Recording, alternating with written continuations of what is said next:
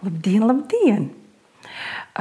Sveicu visus, kuriem šis ir interesants jautājums. Jo šodien, šobrīd, tagad, tūlīt, mamma un tēta studijā kopā ar Happy mēs parunāsim par pirmo stundu par dzē, pēc dzemdībām. Likās, nu, ko tad tur runāt? Nu, piedzemdēju un viss priecīgi. Jā, bet dzemdības jau un pēcdzemdību laiks nav tikai par mammu, tas ir arī par bērniņu, un tas ir arī bieži vien par tēti, par ģimeni, kurā ir ienācis bēbītis. Nu, tā tad nedaudz soli atpakaļ, ar ko tad mums beidzas dzemdības. Dzemdības mums nebeidzas tikai ar bērniņu piedzimšanu, bet ar to, ka piedzimst bēbītis, kur uzliek mammai uz krūtīm ādāta kontaktā un pagaida, kamēr nopulsē nabas saiti. Noklemē nabas saiti, tētis vai vecmāte vai cita atbalsta persona pārgriež nabas saiti un tad gaida līdz piedzims placenta. Tās nav otrreizējās dzemdības, tas nav vēlreiz kaut ko ļoti smagi stumt. Viņa piedzimst. Un tikai pēc pacientas piedzimšanas mēs runājam par pēcdzemdību laiku. Nu, tad, kad bērns mums piedzimst, pirmais mm, ir tas, ko mēs gaidām, ir viņa pirmais skaļais paziņojums pasaulē, es esmu piedzimis. Kas tad notiek? Ejot caur māmas dzemdību ceļiem, bērnam tiek saspiesta galviņa, un tiek saspiests arī ķermenītis. Un šī saspiešana ir tieši nepieciešama, kad izējot bērnam caur mūsu dzemdību ceļiem, viņam atverās pleciņi, un viņam ir iemesls ievilkt elpu. Taču izrādās šī elpa pirmā nevienmēr ir vienkārša. Jo bērnīte māmas ķermenī uh, nav elpošana, uh, un viņam ir jāsāk Dāmas ķermenī viņa plaušiņas ir salipušas, viņa elpvada un alveolas un bronhi ir salipuši. Un izrādās pie pirmās ielpas, kad viņš to var vaļā, izrādās tas ir sāpīgi. Un nevienmēr viņam uzreiz gribās ar plašu skaņu paziņot, pasaules esmu ieradies. Viņš to iespējams dara par mazliet, par maziem ievilcieniem. Un Tam, kam jāpievērš uzmanība, lai šis pirmais skaļais paziņojums notiktu minūtes laikā. Jā, arī bērnītim, esot māmas vēderā, ir tumšs. Acu centrs, kurš atrodas pieres daļā, ir pēdējais, kas nobriest vai nogatavojas dzīvei. Tādēļ bērnītim patīk tumsa. Un tad, kad mēs bērnītis dzimst, nāk pasaulē, mums jau ir gaisma apkārt. Stacionāros bieži vien tās ir lielās gaismas. Ja tas nav stacionārs, tad varbūt gaismas ir pieklusināts, taču salīdzinot ar mammas pundzi un ārpasauli, tas ir atšķirīgi. Un tādēļ bērniņš nevienmēr uzreiz atver acis. Tas nenozīmē to, ka, ja viņš ir ar acīm ciet, viņam kaut kas nepatīk. Viņš vienkārši lēnām pierod. Un tā tad bērns var gan mirkšķināt acis, gan arī elpot. Un tas, ko vēr, vērtē doktori, kad piedzimst, ir apgaras skala. To droši vien tiem, kam jau ir bērniņi mājās, zina, kad saka, man bija ļoti labs apgars, vai cits saka, hm, mums gan vēl tā kā nebija. Tad ko tad doktori vērtē? Viņi vērtē, jā, elpošanu, jā, sirdsdarbību, jā, muskuļu tonus, cik žiperīgs ir jūsu bērns, kādi viņam ir refleksi un jā, kāda ir ādas krāsa bērnam piedzimstot. Vai tā ir izteikti rozā, vai tā ir zila, vai tā ir ar tendenci mainīties. To visu jūs uh, dzirdēsiet vai izlasīsiet uh, bērnīša mm, kartē. Nu, lūk, tā tad bērns tiek uzlikts laimīgai mammai uz pleciem, uz, pleciem, uz krūti. O, un tas, mm, kādēļ tas tiek darīts? Vispirms tas ir siltums. Tas ir mammas ādas un ķermeņa siltums. Otrs tas ir smarža. mēs varam saostīt savu bēbīti. Jo pēc dzemdībām iztumšanā mammai ir nepieciešams ļoti daudz adrenalīna. Adrenalīns ir cīnīties vai bēdz. Tadam! Un savukārt pēc dzemdībām mums atkal ir nepieciešams oksitocīns, mīlestība. Mums radās daudz endorfīnu, kas rada atkarību no sava bērnīša. Jo mammai rodas atkarība no sava bērnīša. Tieši tāpat kā no jā, kaitīgajām vielām, bet jā, šī saite ir no šīm pēcdzemdību sajūtām, no šī atvieglojuma, kas ir pēc tā, ka man beidzot nekas nesāp. Beidzot, es varu nedaudz atpūsties. Un ja šī sajūta ka man vajag drusciņā atpūsties, ir, eh, ir nevajag no viņas bēgt, izbaudīt. Jūs nebūsiet, tu nebūsi sliktāka mamma no tā, ka pirmajā minūtē vai ceturtajā minūtē tu nesajutīsi šo eifóriju. Tu vari beidzot atpūsties no tā, ka nekas nesāp nekas nav jāstumj. Viss jau ir noticis. Tu klausies, kā raud tavs bērns, kurš patiesībā jau nevis raud, bet stāsta par to, ka viņš šeit ir ieradies. Jā, un tas mans ieteikums ir uz pēcdzemdību laiku.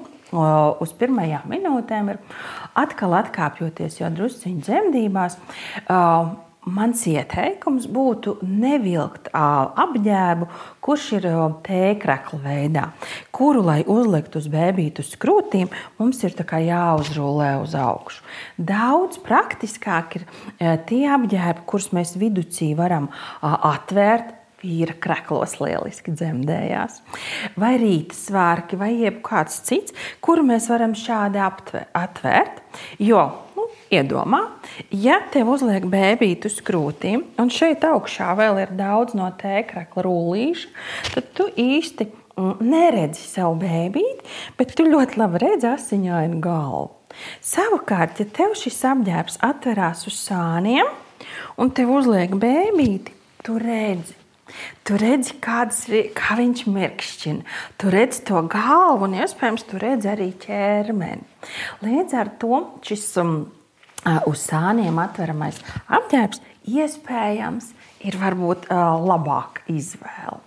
Nu, lūk, tā, tad, tad, kad bērns ir uzlikts uz krūtīm, protams, ka arī tētis ir sajūsmā.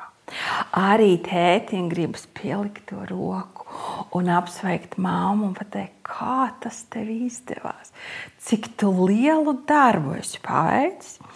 Un savukārt māma var atslābināties, var pieņemt šos apsveikumus un baudīt laiku kopā ar bērnu. Kādēļ šis tāda kontakts šobrīd ir tik aktuāls? Bēbīts mammas puncī ir sterilā vidē. Ejot caur dzemdību ceļiem, viņš saņem tos mikrobiomus, kas atrodas mammas makstī. Bet tie nav vēl gana pietiekoši, lai bērnītī rastos imunitāte.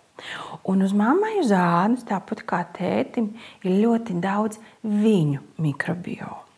Un uzliekot uz krūtīm ādādi kontaktā mammai un bērnītim, šie mikrobiomi no mammas pāriet uz bērnīti.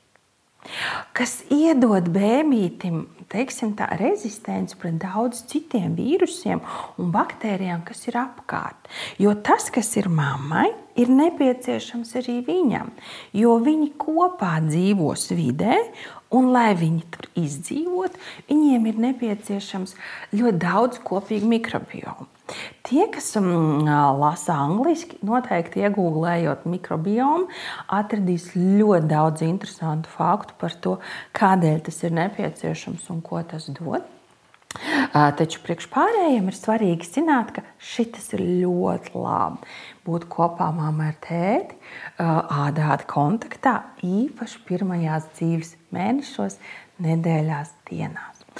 Kad bērns ir mammai uz krūtīm, mammai ķermeņa temperatūra paaugstinās pa veselu vienu grādu. Viņa paliek siltāka. Viņai ir jāuzsilda savs bērns. Un bērns atbild mammai ar lielu brīnēšanos. Viņš ir un skatās un brīnās, un kas tad notiek. Jo runā to, ka mammas krūšu gali smaržojot ļoti līdzīgi kā augļūdeņi. Tas nozīmē, ka bērnītam ļoti pazīstama vide. Un bērnīte šajā pirmajā stundā aktīvi grozoties un knosoties, jo viņš jau ir paveicis lielu darbu. Viņš uzreiz neatslāpst, un viņš meklē mammas pupiņu. Tieši tā. Pirmajā stundā pēc dzemdībām ir ļoti labi bērnītim piedāvāt savu pieniņu. Ir mammas, kuras uztraucās, ka man pieniņa nav. Ir mammas, kuras uztraucās, ka pieniņa ir ļoti daudz. Kā var zināt, ka tur kaut kas ir? Um, mēs esam katra pilnīgi atšķirīga. Un ir normāli, ja pieniņš ir. Un pilnīgi normāli, ja viņš vēl tikai veidojās. Jo brīdī, kad bērns ir atradis pupiņu un viņš sācis savā mutītē sākotnēji žļambāt un pēc tam piesūkties, eh, viņš vēl nezina, ka žļambājot, sūcot un ēdot, ar laiku viņš gūs baudu. Eh, viņš pāēdīs, viņš pāēdīs šo brīnišķīgo ēdienu, un viņš no viņa sāks augt, no viņa attīstīsies, viņam viss hormonu un imunovielas būs tieši no mammas pieniņa. Un ja šajā brīdī tur ir tikai viena pilīte, pilnīgi pietiek jūsu bērnītim, jo viņš saņem tieši jūsu vajadzīgos mm, um, un viņam nepieciešamās uzturvielas, vitamīnus, eh, mikrobiomus, hormonus, imunoglobulīnus. Visu to, ko daba ir paredzējusi jūsu bērnītim. Un, protams, ka vislabākais pieniņš ir jūsu pieniņš, jūsu bērniņa. Un izrādās, ka katru gadu zinātnieki atklāja, vidēji 60 jaunu aktīvo vielu, kas ir mammas pienā. Tā tad mēs varam tikai uh, nojaust, cik ļoti tas ir vērtīgi un cik daudz mēs varam dot savam bērnītim, izvēloties krūts zīdīšanu. Jā, un tātad šī zīdīšana un zīšana ir ļoti svarīga šajā pirmajā stundā. Taču svarīgi ir atcerēties, ka Šī e, zīšana ir viena tehnika. Un tie, kas domā par knupīti ļoti agri, svarīgi zināt, ka tā ir sūkāšana. Divas dažādas tehnikas. Nu, lūk, līdz ar to, mm, tad, kad bērns ir paņēmis krūti un sāk zīst, tas nozīmē, ka mūsu smadzenēs tiek raidīts signāls par pieniņu rašanos. Un te arī notiek šī lielā pārmaiņa, ka hmm, ja līdz šim pieniņam ir bijis maz, vai ir bijis pilīte, vai viņa nav bijusi vispār, bērns ir tas, kurš iedod šo impulsu, lai tavā ķermenī pieniņš sāktu rasties un rasties ar vien vairāk. Noteikti šajā pirmajā stundā, īpaši, ja tu esi kopā ar savu partneri, būtu ļoti labi pārunāt ar Mm, medicīnas personālu, lai jūs šīs divas stundas, kas ir jāpavada pēc dzemdību palātā, pēc dzemdībām, atļauj jums palikt tikai ģimenei lai katrs no jums var savas emocijas paust, nedomājot, ka kāds jūs vērtē. Jā, protams, pirmajā stundā pēc dzemdībām arī vecmāte pārskatīs dzemdību ceļus, vai ir nepieciešama kāda iejaukšanās, vai gluži otrādi nē, kas var radīt uztraukumu, un, ja nepieciešams, uz šo brīdi bērnīt var paņemt tētis Un tētis var priecāties o, un skatīties uz to, cik brīnišķīgs bērns ir piedzimis. Un tas ir manējais. Iespējams, ja tēvs nejūtas gana droši, vecmāte viņu var novietot uz apsildāmo galdu. Bet vienalga aicināt tēti šai stundā būt kopā, iepriecināt savu bērnu ar acu skatu ar pieskārienu, ar būšanu. Varbūt tēvs pat izdomā, ka viņš var viņai padungot kaut ko. Mēs katrs esam atšķirīgi, taču svarīgākais ir, ka jūs esat kopā. Jūsu ģimenē ir ienācis bērns, un šajā pirmajā stundā jūs visi iepazīstaties. Sajūtu gama, ko katrs no jums piedzīvo, var būt ļoti atšķirīga. No liela prieka līdz uh, sajūtai, ka bāc, kas tagad notiks. Uh, es tagad tiešām, tiešām esmu mamma. Nevis vairs tikai domāju, ka būšu. Un šis ir mans bērns, un tagad es esmu par viņu atbildīga. Un arī tētim šīs sajūtas ir um, iespējams ļoti atšķirīgas. Ka jā, viens ir tas, kamēr es domāju, kamēr es pājāju punci, un otrs, kad es skatos uz savu bērniņu. Un kā tas varētu būt, kad viņš izaugs? Kā būs, kad es mācīšos par viņu rūpēties? Jo šī pirmā mm, satikšanās, pirmā stunda, pirmās divas stundas arī ir par jūsu ģimenes stāstu. Jo šāds brīdis nekad, nekad neatkārtosies. Jo nākamais bērniņš būs jau nākamais, otrais, ceturtais vai vēl vairāk. Un dzīvē pirmais bērniņš vai tieši šis bērniņš, otrais nevar piedzimt. Šīs sajūtas un emocijas ir vienreizīgas.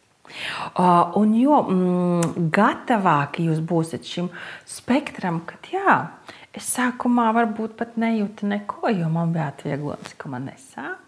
No otras bija vienkārši ekstāzē, ka viņš piedzima. Jo es varbūt viņu saķēru pati, un tas ir mans jau septītais bērns.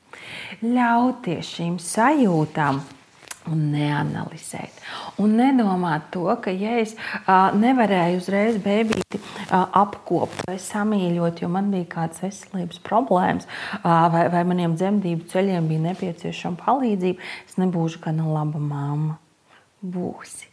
Tu vienmēr būsi vislabākā mamma savam bērnam, jo tikai tu ar viņas biji kopā deviņus mēnešus, un tavs partneris, vīrs par jums ir rūpējies un arī mīļos un lolos jūs kopā. Šai emocionālajā brīdī tādēļ ir jauki būt kopā ar tiem, kas ir šie atbalstītāji. Māma un tētis, mamma, tētis, dūla. Jebkas, kas jūsu ģimenē ienes prieku un ļauj izbaudīt šo intimitāti, kas ir šī pirmā stunda pēc dzemdībām. Um, uh, lai šis pēcdzemdību laiks ir baudpilns uh, un novēlu izbaudīt vai noķert to savu sajūtu, Un iespējams pēc kāda laika gribēsies viņu pierakstīt. Un pierakstot, domāt par to, ka hmm, varbūt es šo savu stāstu, savu bērnu dzimšanas stāstu, gribēšu uzdāvināt viņai vai viņam 18 gados, kādas dienā, vai varbūt tajā dienā, kad manam bērnam piedzims bērniņš. Kādas bija manas sajūtas, kā es jutos kā jaunā mamma un varbūt arī jaunais tētis. Un kā mans bērniņš jūtas, kad viņš kļūst par mammu vai par tēti. Tas šai reizei būs viss. Līdz nākamajai reizei.